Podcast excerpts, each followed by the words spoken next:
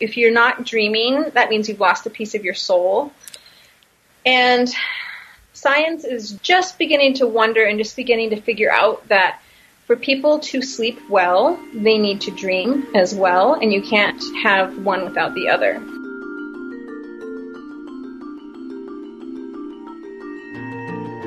Dreams have helped Darla Antoine navigate every major life transition and decision, from divorce to moving to another country to starting a life with a near stranger. Today, she's here to help us work with our dreams as divine guidance. But first, a love story for the ages.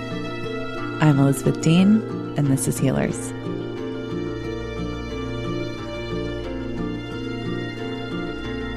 I don't always start from the beginning, but we have to hear your story of, of coming to Costa Rica and this epic love story. Right now, ready? Yep, go. Okay. You you cannot bore us with this one. I have a feeling. No, it's a really good one, and I don't get tired of telling it. Oh, I love that. So I got married to my college sweetheart in 2004, and we were both from Washington State. And then right after we got married, we moved to Iowa, and he started going to school as for as a chiropractor. I was working as a newspaper journalist and was getting kind of bored, and so I decided I would go back to school as well. So I moved to New Mexico and started pursuing a graduate degree in intercultural communication. So that's how we communicate across cultures. And um, I was really interested in how we communicate using food in between cultures.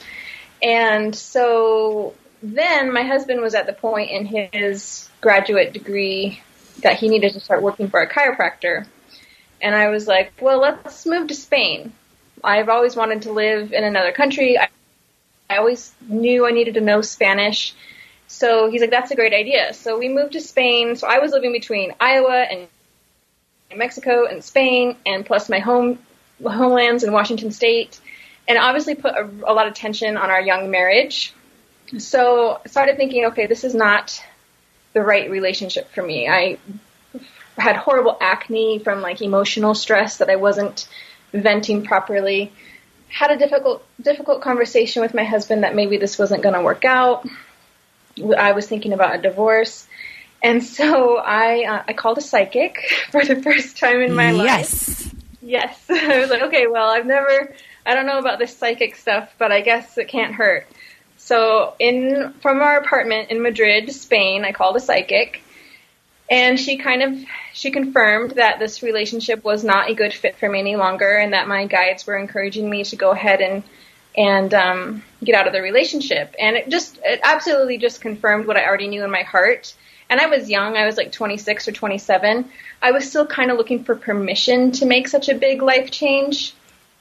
And then a couple nights later, I had this dream, and I've always been a really good, prolific dreamer. I've always followed my dreams, analyzed my dreams ever since I was like six or seven years old. So I had this dream that really wouldn't make much sense to anyone else who had it, and that's the thing about dreams is they have to make only you can really know what they mean. So I had this dream where I walked onto a beach with like a, a, friend grabbed me by the hand and led me down to this beach, and it felt like a long time ago, like three or four or five thousand years ago, and there was this sense that um, the the world was about to change, like it was about to get really tough for women. The matriarchy, the the goddess worship was all about to go underground, and it was planned in a way but we were preparing for it. Like we were that generation. In my dream, I was part of this generation that was preparing to plant the seed.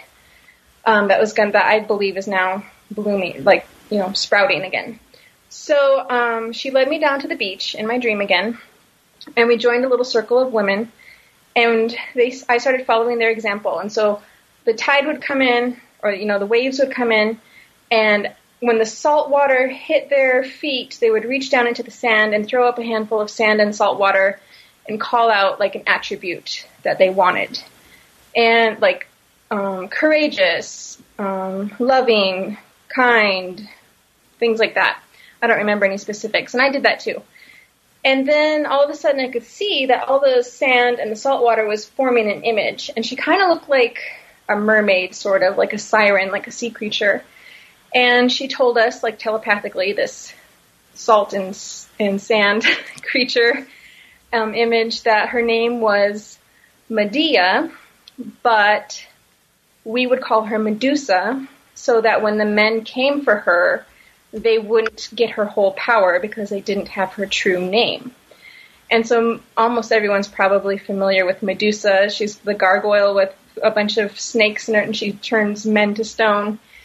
And she's like this quintessential image of feminine rage and feminine horror, for better or worse. But I had never heard about Medea before.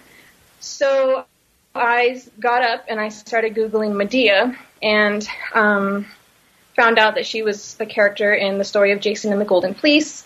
And she was sort of like a, a witch or a, a you, like she used herbs and magic and, and she was a healer as well. And then when Jason ran off with someone else, the story goes that she killed their children in revenge.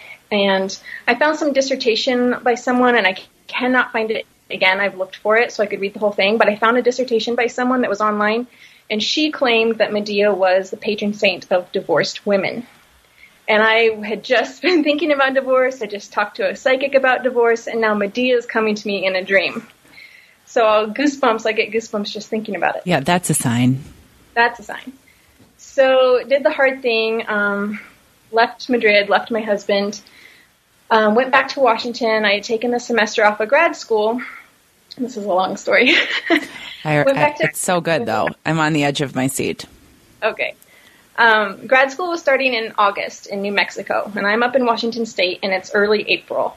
And since I was studying food and culture and I was going through this hard time of divorce, I was like, okay, so for the next however many months until school starts, I need to keep my eyes forward. I need to keep busy.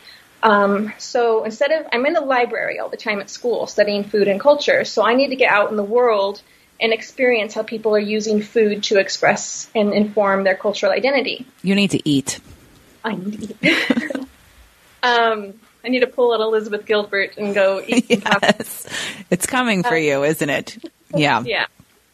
So I started googling. I thought, well, I'll go to like find a permaculture farm. Permaculture was like all the rage back then. This was in 2009. Um, so I thought I would maybe find a farm in Washington or British Columbia because I grew up right on the border with British Columbia and maybe go volunteer. Um, I'm a journalist by trade, so maybe I'd just go interview someone. But somehow, through all of that Googling, I ended up on a website for a farm in Costa Rica. And I, oh my gosh, I've totally forgot the, okay, no, I'll leave it. Okay. It's a surprise coming. Okay. So um, I thought, all right, this place looks like the place that never answers their emails, but I'll send them a note. It says they have a volunteer program. So I send them an email, say, hey, I'd like, I'm interested in volunteering this summer, blah, blah, blah. Again, this is like early April. They write back within like an hour or two, and they're like, we could use you next month. And I'm like, oh my gosh, next month is 10 days away. Um, I should ask my husband about this. No, wait, I don't need to ask him anything anymore. I should ask my mom about this. No, wait, I'm 26 years old. I don't have to do that. So I had like no money. I put put it all on my credit card, booked the ticket, and did a happy dance because I was making like a, another huge decision as an adult. I didn't have to, con- you know, consult with anyone. And then I remembered that the psychic that I had talked to about five or six weeks earlier said, "I see you going to Costa Rica for research." Totally did not enter my conscious mind at all while I was booking the ticket. It wasn't until after I booked the ticket that I remembered she'd said that. So I thought, okay, something big is going to happen in Costa Rica. Something is waiting for me down there. So uh, 10 days later, I'm dropped off at the end of the road in Costa Rica, and I'm at this farm that is um, an hour and a half walk through the jungle or a 30 minute boat ride. Perfect place to get over a divorce. It's perfectly isolated. It's right on the Caribbean. It was gorgeous. Quickly found out that there was nothing, no formal permaculture program like they had oh, advertised. Oh, no. It was pretty much a free for all summer camp for hippie adults. I'm not, I don't really identify as a hippie or a hippie adult, but I thought, oh, what the hell? Like, I'll go, I'll just enjoy myself. I made some really good friends that are still friends to this day. But the guy who owned that farm at the time also owned a tour guiding company. And one day, I'm in the kitchen. I had, I was going to say one month, and then I decided to say two months, and and volunteer as the cook in exchange for my room and board. So one day I'm in the kitchen, and I know a group is coming, and they're going to walk in through the jungle with their Costa Rican guide, and I needed to cook dinner for them because since the guy owned the farm and the tour company, he often sent tours through his own farm. Of course, he wasn't on site, but anyway. So around three o'clock in the afternoon, all of a sudden the group is starting to pour in from the jungle, a bunch of college kids um, from, I don't remember where they're from. Anyway, um, and then all of a sudden there's this redhead standing in my kitchen, in this open air kitchen. And he's all decked out in his fancy gear. And obviously he's a redhead. He's not the Costa Rican guide. And I don't see any sign of the Costa Rican guide. And I was just annoyed with him instantly. Like, doesn't he know the jungle is dangerous? You don't walk ahead of the guide. Um, he's probably he's in his late twenties, early thirties. I was like, he's probably just fresh out of grad school. This is his first teaching gig. He wants to show off to all the students. He's bought all this ridiculous gear that he's never going to wear again. and now he's standing in your kitchen. Standing in the kitchen. I still don't see the Costa Rican guide. And um, then I saw the way he was looking at me, and I was like, "Oh my gosh! Oh, I just I know that look. He's gonna want to like be flirting with me." And uh. um, and then he opened his mouth, and he thought I was Costa Rican. So he talked to me in perfect. This is my first language, Spanish, and I knew what he had said, but I was so taken aback because I knew that was first language Spanish. Not I've learned Spanish really well and he took my my pause as not understanding, so he immediately switched to perfect first language English.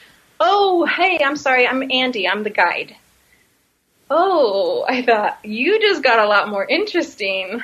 And so then all of a sudden I wasn't so annoyed with him, this mistaken identity. So there was attraction between the two of us, and I came to find out that he'd been born in Costa Rica. His parents were from Michigan. They immigrated to Costa Rica um, when they were five months pregnant with him in 1978, and um, they spent one night, and he was a total gentleman, which was good because you know I don't want to think he's just does you know hits on all the cute girls he meets or something. And the next day they were about to leave, and he said we exchanged email addresses. Neither one of us had Facebook at the time, and he said, um, "I don't care if it's next month, next year, two years from now, if you ever come back to Costa Rica, you let me know and we're gonna go out we're gonna go out on a date. And I thought, You're cute, but I am never gonna see you again. but I, we exchanged email addresses. And then um, couple weeks later I went back home to Washington and then I went back to New Mexico and two years went by, I had another boyfriend, I finished my degree, um, once in a twice he he messaged me like, "Hey, how are you?" And I messaged back, "Hi, I'm good. How are you?" And that was like the extent of the conversation. So two years went by, and I was finishing grad school, and I thought I would go to back to Costa Rica before I got a job and had to ask for permission to go on vacation. And I had a bunch of friends there now, and you know I could make it a pretty affordable post grad trip. And he emailed me as I was planning my trip. And he's like, "Hi, how are you?" And I'm like, "Oh, hey, I am. Um, I'm coming back to Costa Rica. Do you still want to go out on that date?" And I thought to myself, "Well, he could be married with kids by now. He could be married with kids Ben. I don't know. You don't know about these tour guides." Nope. and he wrote back and he said, um, he wrote back right away and said, "Let me know what time you get to the airport, and I'm going to pick you up." Such a thought, gentleman. Oh my gosh, something something's going to happen here. So it went from um, seeing him for one date to spending the entire three weeks with him, falling in love, and this was in May of 2011. By November, I had moved to Costa Rica. By January, I was pregnant. and now we have two little boys, and um, I live on, he has a sustainable farm, and he's been building this eco lodge since he was 20, so it's been almost 20 years that we've been slowly building up this farm and eco lodge, and yeah. And all of this started with a dream. All of it started with me listening to a dream, yes, Oh my gosh. and calling a psychic. And calling a psychic. Two two of our favorite things. Yeah. But also I I mean, let's just take a moment. You followed through. I mean, all of those steps Yeah. we're brave. And I think that we're given advice or we have dreams or we have our instincts and it's it's not often that we trust them. No, it's not. And it's just But I'm really glad I did, and it was scary and it was hard. I mean, ending a relationship that was pretty good, except we were young and living all over the place. Well, that's the other point too is that you you wanted more and you knew that you that it was out there for you somewhere.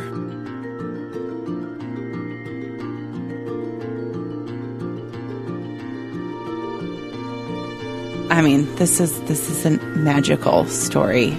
And was was this experience because you're in your grad graduate school program and you obviously have a focus um, with food and culture. But when did you really start digging into the dream piece as your profession? Well, I started.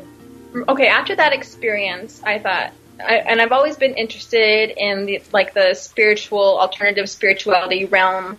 Um, ever since I was really little, I've I've been keeping track of my dreams since I was six or seven, and and listening to them even before I realized how psychic that could be, for lack of a better word. Like just that's something I did, and then I was kind of surprised when I found out my friends didn't do that too. I, I didn't know it was psychic. I didn't know that that about dreams. I didn't either. And then so so after that experience, I thought, okay, I really want to learn more about how can I get more dreams like this? How can I follow my intuition more? Because it was just so strong. I didn't even have to think about it. It wasn't really an option to be like, is this my intuition? It was just so strong and visceral that like, yep, full body, yes, full body. And then of course the dreams were so vivid. So um, I started apprenticing with a psychic who was teaching other psychics how to be psychic. And I learned a lot. Actually, I apprenticed with two different psychics. I learned a lot, enjoyed it immensely, but I still like the idea of opening up shop and saying, you know, get an hour reading for me for 150 bucks. What that's not wasn't appealing to me. I knew that's what I wasn't supposed to be doing. And then one of the the second teacher I had, he he said I was like the he was like tuning in intuitively to my career path with this because I know it's I know that using my intuition is like a mandate for me in this lifetime and teaching other people, especially women, but I couldn't figure out what that was going to look like because I knew it wasn't just get a reading with me um, for 30 minutes, 60 minutes. So he said I was like the ugly duckling and and right now I was too busy comparing myself to all the other intuitive counselors out there, but I was going to grow up and be different. And he didn't know what that looked like. He said that I already have it, but I'm calling it something else. That's all he could tell me. That's all he could access with his own intuition. So fast forward a few years, and then that's that was in 2009 that I I learned from him. So it was another two. That was same year. I had already met Andy when that happened. It was going to be two more years before I moved to Costa Rica, and now we're I've been here for about six years. And about two years ago, three years ago, after my third child, my third child, my second child was born. He's three now, so that's why I said. Okay, I was like, is that a premonition? no. no. No. Um, I realized that, I mean, I was so isolated here in Costa Rica. I live 10,000 feet above sea level. It's cold where I live. It's not what people think of when they think of Costa Rica. It's beautiful farmland, but it's just very isolated. I'm culturally isolated because my in-laws are from the states and they do speak perfect English and perfect Spanish. So it's really nice that I can I can ex- talk to them so easily in English. Like they really know me versus if my in-laws only spoke Spanish, for example. But because we're so physically isolated and culturally we're all different than typical Costa Ricans, there's there's isolation. So after two kids, 21 months apart, I was feeling really isolated and I was like I need to get back to that intuition. I need to get back to my center to see I know I'm supposed to be here but I don't understand why and I need that guiding force. And I realized in the two and a half years since I'd had my first child, and now I just had my second child, that I wasn't dreaming anymore. And that was from stress, that was from lack of sleep. There was no space for dreaming. And so then I went on this quest to get my dreams back. And that's um, when I realized, oh, this is my thing. This is my ugly duckling moment. dreams are psychic. Dreams are a way to access divine guidance. And another thing is I've never really been into traditional meditation. Um, I'm even like rebelliously resistant to traditional meditation. And I say that, and I, honestly, like I can see when I'm older, like in my 50s and 60s, I can see myself really enjoying that. But I know for right now, that's not my thing. And so then the more I started researching dreaming, I found out that, well, when you're dreaming, you're in the same um, brainwave as you are when you're in deep meditation. And it's like, well, if I'm going to dream every night, I might as well make it a meditation and, you know, kill two birds with one stone, so to speak. That's a long meditation. That gives yeah. that gives us all a free pass if we can do this. and especially as a young, busy mother too, it's like, yeah, let's let's um, you know, do two things at once here. So that's how I came into looking with dreams. Well, you brought up a point um, it, that I've never heard anyone articulate the same way. I, I mean, I go for stretches of time without dreams, and I never know why. And I, I mean, there's definitely, I think a lot of people are in that same boat. Well, I don't really dream anymore, or I never remember. And is that typical that it's it's caused by that we've kind of like disconnected and f- from stress or from from fatigue or is that is that do you see that with a lot of the people you work with? Yeah, that's really common, and um, I created a a dream course and a dream journal to help people get that back. I think it's a a Maori saying um, that if you if you're not dreaming, that means you've lost a piece of your soul. And and then you know like soul retrievals are, are that's kind of a big thing in the in the spiritual community too is getting soul retrievals and I believe in that. I think that if you, the more pieces you retrieve, the more dreams you're going to bring back but it also has a lot to do with our lifestyle. We're so busy, we're so stressed, we just conk out mm-hmm. and we fall, we're too tired to even get to that state of dreaming. But then that state of dreaming is a whole nother, science is just beginning to understand. Like I was, I was reading something about sleeping pills and how sleeping pills don't work because they eliminate dreams and how science is just beginning to wonder and just beginning to figure out that for people to sleep well, they need to dream as well, and you can't have one without the other.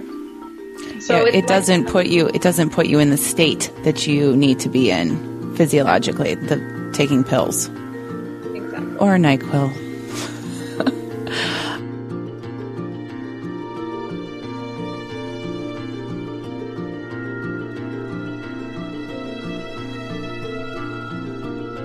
um, so the divine guidance that you have gotten from dreams. Can you give us some examples? Oh, yes. Okay. I have a lot of favorite ones. Well, and also, be- you believe that we can all get this divine guidance to our dreams. This is, I don't want anyone listening to think that because Darla has this really strong intuition that she's developed and worked on, that this isn't available to us all. And uh, I'll, I'll, before I start telling one of the dreams that I've had, let me just say that yes, this is available to anyone, and all you really need is a journal or a notepad, and you just need to ask for it. You just need to set the intention out loud or on paper or both and say, I want a dream tonight. I want to remember it.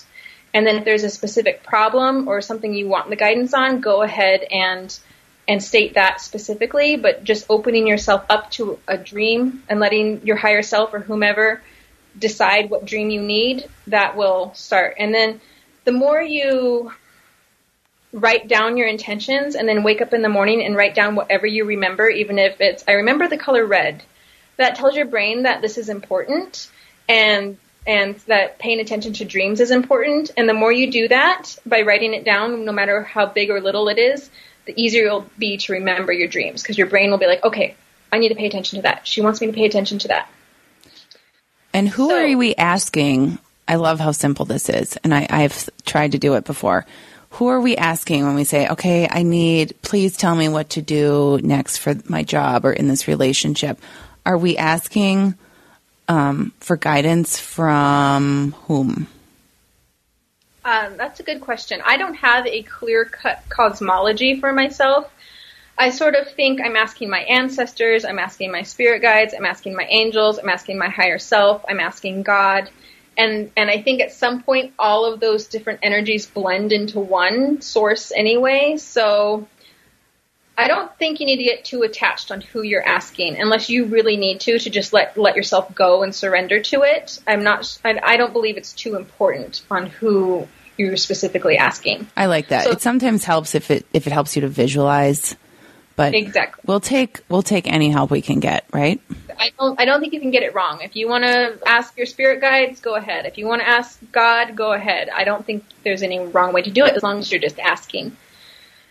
Um, so I had this dream. I had the funny thing is right after I made contact with Andy and it was agreed that I would see him when I came to Costa Rica. There was about six or seven weeks between that contact and the actual trip, and I had a series of really powerful psychic dreams in that short window, like more than I've ever had in my life. And one of them, I was in my room in New Mexico, and I woke up and I could see the Sandia Mountains, and they were um, they're called Sandia because Sandia means watermelon in Spanish, and at sunrise and sunset, those mountains turn watermelon pink.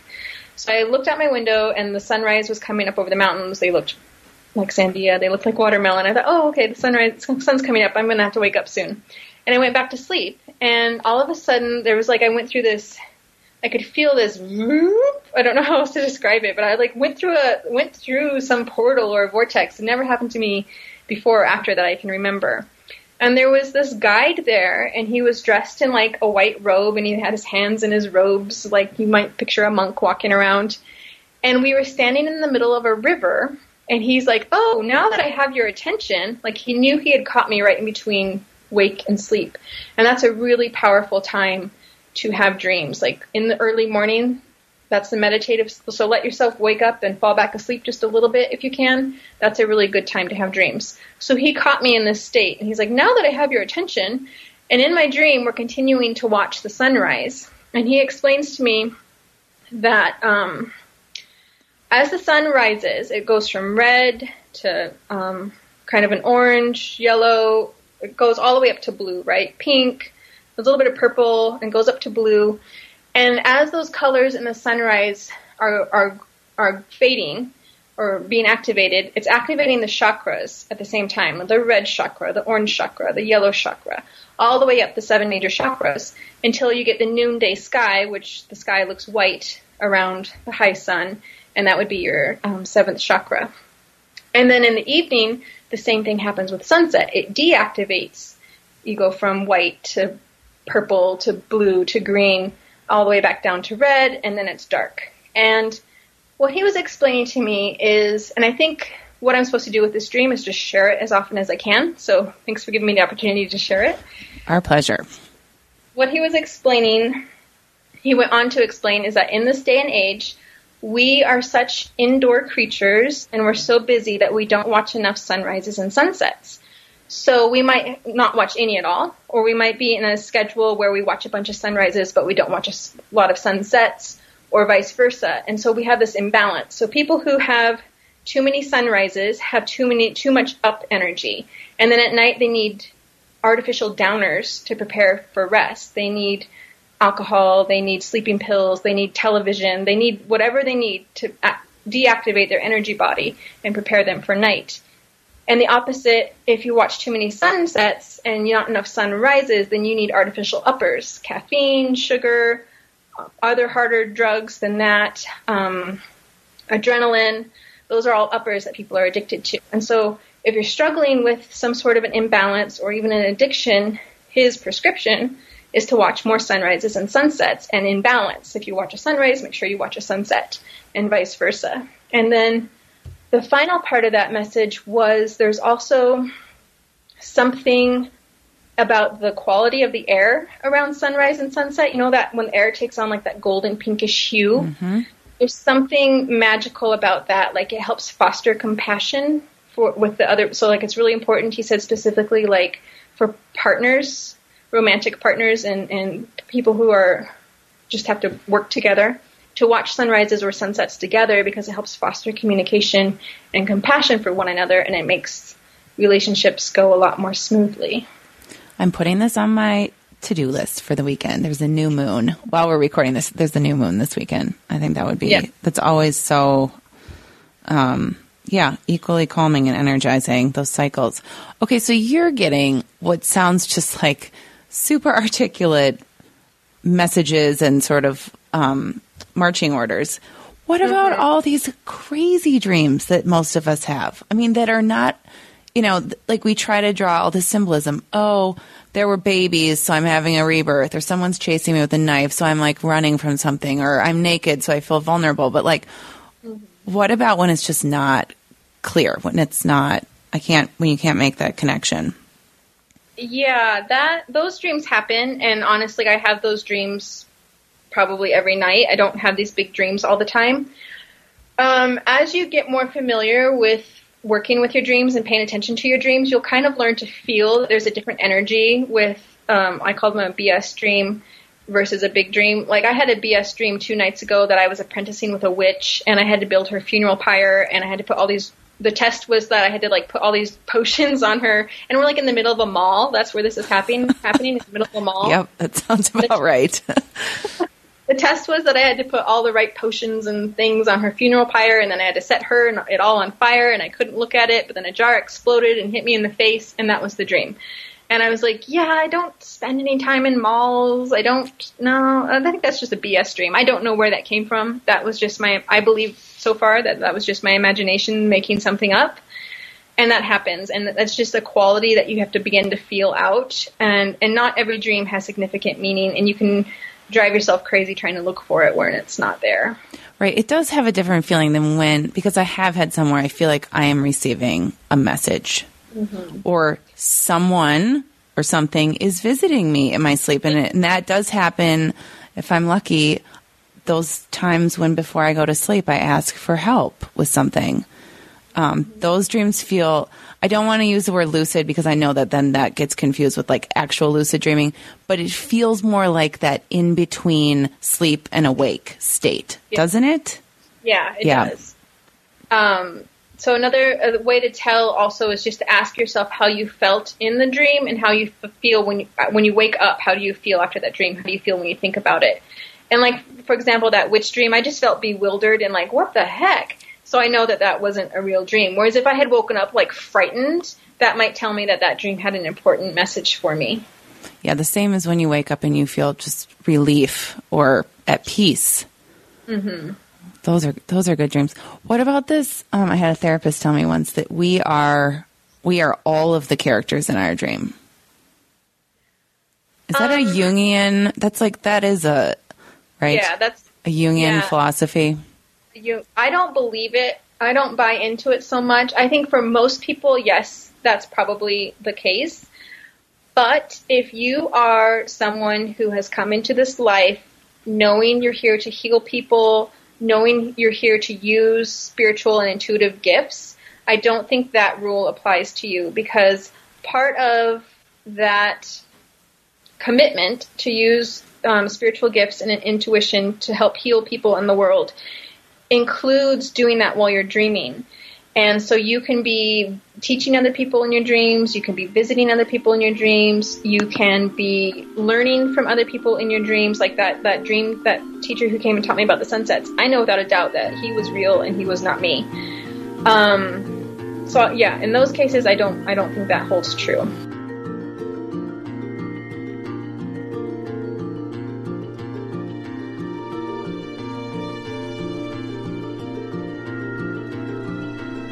Let's talk about your your work with ancestors. This is fascinating. So I am Okanagan and Nez Perce and Irish and Swedish, and I grew up in my ancestral homelands in Washington State, and I feel really fortunate to have grown up in my ancestral homelands. I think that's something most people in the world can't really say anymore. Um, you know, whether you're brown or white or whatever. Um, so, but I didn't really appreciate it until I left home.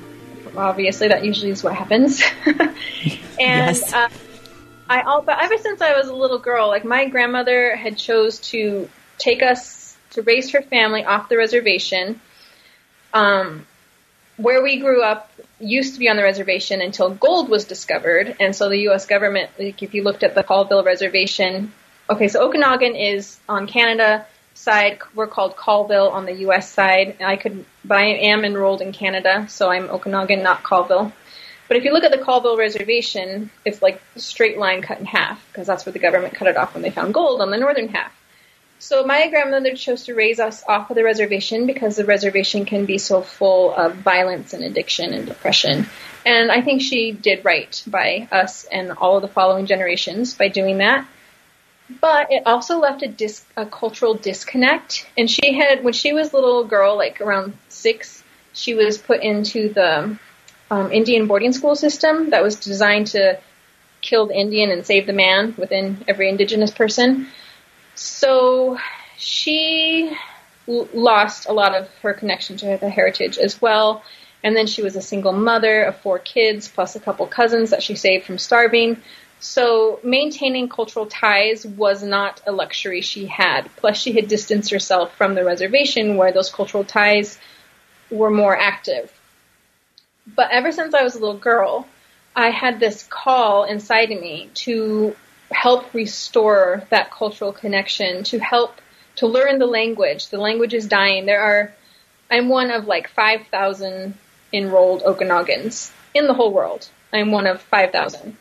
And the language is dying, and I just always, always, always knew I was going to go back and be part of, part of the cultural healing, part of the language healing, etc., etc. It's one reason why I studied intercultural communication, is I found out I've been I've been straddling two cultures my whole life.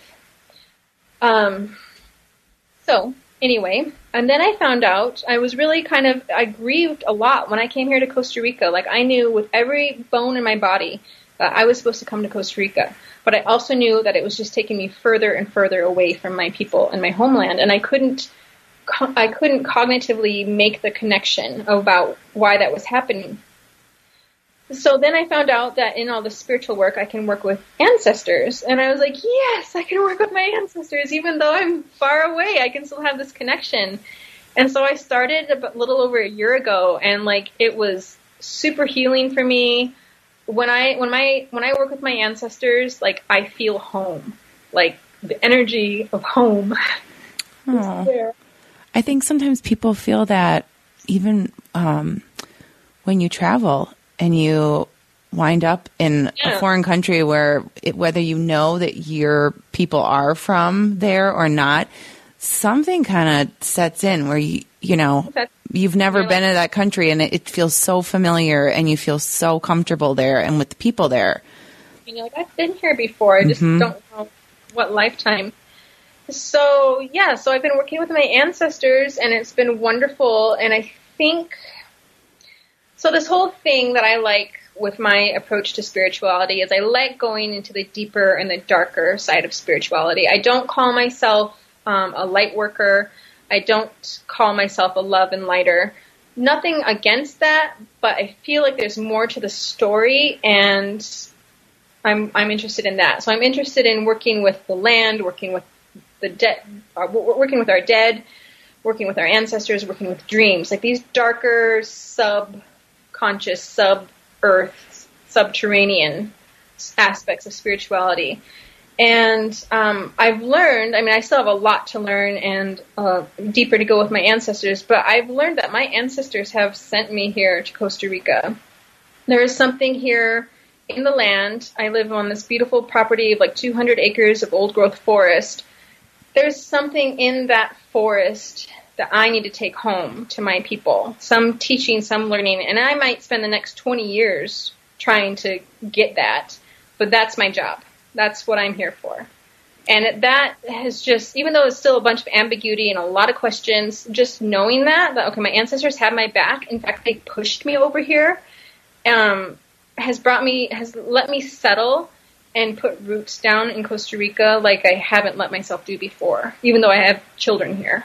You feel more at peace with your place and that you're yeah. there for a purpose. Exactly. I feel like I'm going to have to choose, but I'm going to lose one identity for the sake of this new identity. I, I understand that they're interconnected somehow. So, can we all work with our ancestors to, to tap into this? Why am I here? What is my calling? Can they help guide us? I think so many people are feeling lost right now. I mean, Yeah. really, there's a lot of upheaval and chaos, and it, and I of course believe that that's all, all going to be for the best. But Yeah. we all need guidance, and we need to find it in new and healthy places. So, what I've learned about ancestors is that yes, all of us can work with our ancestors. And actually, for anyone who has interest in spirituality but can never quite feel connected to something, I would encourage them to try connecting to their ancestors because our ancestors, one, they were former humans, so they understand that the frustration of being human, the frustration of having bills to pay, the frustration of all these different things. Whereas if, let's say, you're trying to connect to the goddess Kali or something, sure, you can connect with her, but she's a goddess. She's going to kind of be like, "Who are you, you little human?" And um, I don't understand why you want me to help you pay your rent. Like, why should I care about that? For an example, but if you work with your ancestors and ask for that sort of help, they're like, "Oh yeah, yeah, we got you there. We know how frustrating that is." And then plus your ancestors literally lived and died for you. They lived and died and, and procreated so that you could be here. They want to see you succeed. They want they care about your health, they care about your well-being in a way that some goddess like, no, I'm not picking on goddesses, I love them, but for example, some deity is not going to have that level of care and attention for you, especially at the beginning when you haven't established a clear relationship. But with your ancestors, that relationship is built in. You were born with it. And so I found it a lot more satisfying to work with my ancestors versus trying to pick a deity or a couple deities to try to establish a relationship with. It's a lot more tangible. I mean, It's a lot more. you, you know you have ancestors. Y- You've met them, and mm-hmm, Exactly. versus trying to And you- picture this goddess. Exactly. And you are an ancestor, and that's a whole nother level of thinking is like, you know, at some point you'll you'll get to understand your place in, as an ancestor. And, and again that takes me back to the dream work. Sometimes you have a dream and it's so crazy. Sometimes I'm like, well, I wonder if that was my descendants reaching out to me in a dream, some in some future timeline, and I'm the ancestor that they're trying to get help from. It's like who knows, but So, what are some what are some of the ways that we can work with you? You're in Costa Rica, but you've got guided meditations that we can download from your site. You do one-on-one sort of like I'm really fascinated by this one-on-one. Like you actually accompany me or guide me on a journey. Yeah, so I've taken some of the dreams that I've had that were really powerful and I've created them into guided meditations that you can do for yourself or we can meet together online like this and I will just I will help hold the space and I will guide you through it, you know, using my voice. And then the benefit of that is then you can also get some some counseling from me afterwards. We can talk about it. You get the benefit of having another human being hearing your problem, hearing your concern, and then I can also use my intuition to help um, help shed some light on whatever it is you're struggling with.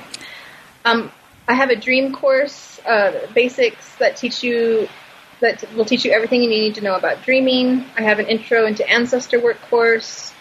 Um, I'm doing some revamping right now, so I'm not sure what will be available by the time this comes out. But I also have a, a lunar cycle course where I teach women how their menstrual cycles and their lunar cycles inform their day to day life. And I've seen this sort of teaching. It's it's kind of popular right now. A lot of people are doing it, but I will say I take a very non-fluffy, non-romantic approach to it. Um, so I yeah, if you like a no fluffy, no bullshit sort of approach to spiritual learning, you'll like my my flavor of of courses. I like it. Um, I like it. I, I trust you immediately. There's just something I you're so your your beliefs are rooted in your experiences and um, I wish everyone could see you because you're also just so beautiful. But um, you're like you're just one of us. I mean, you're the girlfriend we all want to hang out with, and um, I'm just excited for everyone to meet you. Um, and when can we come to Costa Rica? That's the question. When can we have a retreat in Costa Rica? That sounds like an incredible place. Yeah, and that will be happening in the next year or two. I mean, I have a I live we have an eco lodge. I have the space, so I just need to get the get the women and get the the curriculum or the theme together. So that's in the works. That's definitely in the works. Well, I will help you get the women. Thank you. You bet. Okay, so I know that you've listened to the show because that's how we met. Mm-hmm. And you're listening to all these episodes. What is just this message or this healing wish or just like that you just you have this platform in this moment? What do you want to tell everyone who's listening? Okay. Well, this might not sound very articulate, but I think you'll get the, the idea of my thought here. What I see a lot of people doing, and I'm guilt, I've done it myself, is we use spiritual techniques to as a form of self development and self improvement. And yes, that's great. But at some point you need to branch out and you need to use those that healing and, and share it. You need to offer it. Whether it's as simple as letting that healing and transformation inform the way you parent, whether it informs the way you are a partner to someone, whether, you know, it could be that simple. Whether it means you open up shop and start helping other people, but there needs to be this, it can't stop with you. It needs to keep flowing. And that's the whole, that's what spiritual energy is, is it needs to keep flowing and it needs to go from person to person to person. Um, so I think that would be my message is don't think of spiritual work as just self-development and self-improvement. In the back of your mind, be thinking, how in the future when I'm ready can I pass this on? I mean, can I get a tattoo with that? It's beautiful. it's beautiful and it's well, I know it's why you're doing your work and it's why we're doing ours. And and once you've had some of these experiences and they extend be, beyond self-help or you have a healing breakthrough, you you will want to share it. You will want to tell the people that you love about it, but also to your point, just it just can flow through whatever it is you do every day, whether it's parenting or accounting. It will start to inform how you move through the world and the energy you put out there. So thank you so much for you did articulate it. And we're so grateful. Okay, Darla, this has been amazing. I could talk to you all day. Is there anything that we missed? Is there anything you're going to be kicking yourself that you didn't say? I'm really glad to join the League of Cancerians that have been on the yes. What is up with all my Cancerian sisters? You and I, our birthdays are just yours is the day after mine. Yeah. And I know there's something maybe do I don't know if other signs of the zodiac have this sort of bond, but we seem to be really really pleased when we meet someone who's a cancer. maybe because we know you get it. You're oh, you're just as emotional as I am and we're not going to judge each other for it. Exactly. I just met is it your family who's all can do you have a, a cancer household too? Yeah, my husband's a cancer, my youngest son is a cancer and my eldest son is a Libra with a Cancer moon. Wow. Okay, mm-hmm. so do you, you all go into your separate rooms and like cry and take baths when you need them? Does everyone just kind of time out together? yeah, no, we personal space is a big deal in mm-hmm. our household. Do you need some time alone? Okay.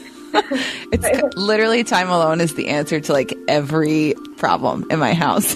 it's like I'm just gonna take I'm just gonna take an hour and then everything is fine. So well, happy birthday. You too. Happy birthday. Thank you so much. Thanks for being with us. Thank you. Namaste. Namaste. For notes from our show, visit healerswanted.com. If you love this episode, please subscribe to Healers using your podcast app or on iTunes. As always, five star ratings and positive reviews are welcome.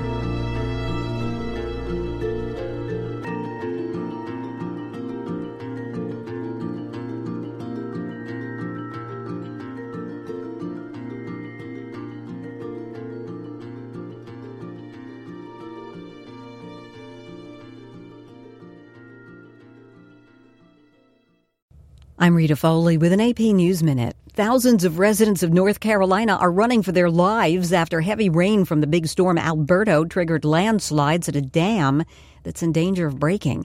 Missouri Governor Eric Greitens is resigning amid investigations about an extramarital affair and questions about campaign financing. I know, and people of good faith know, that I am not perfect, but I have not broken any laws nor committed any offense worthy of this treatment.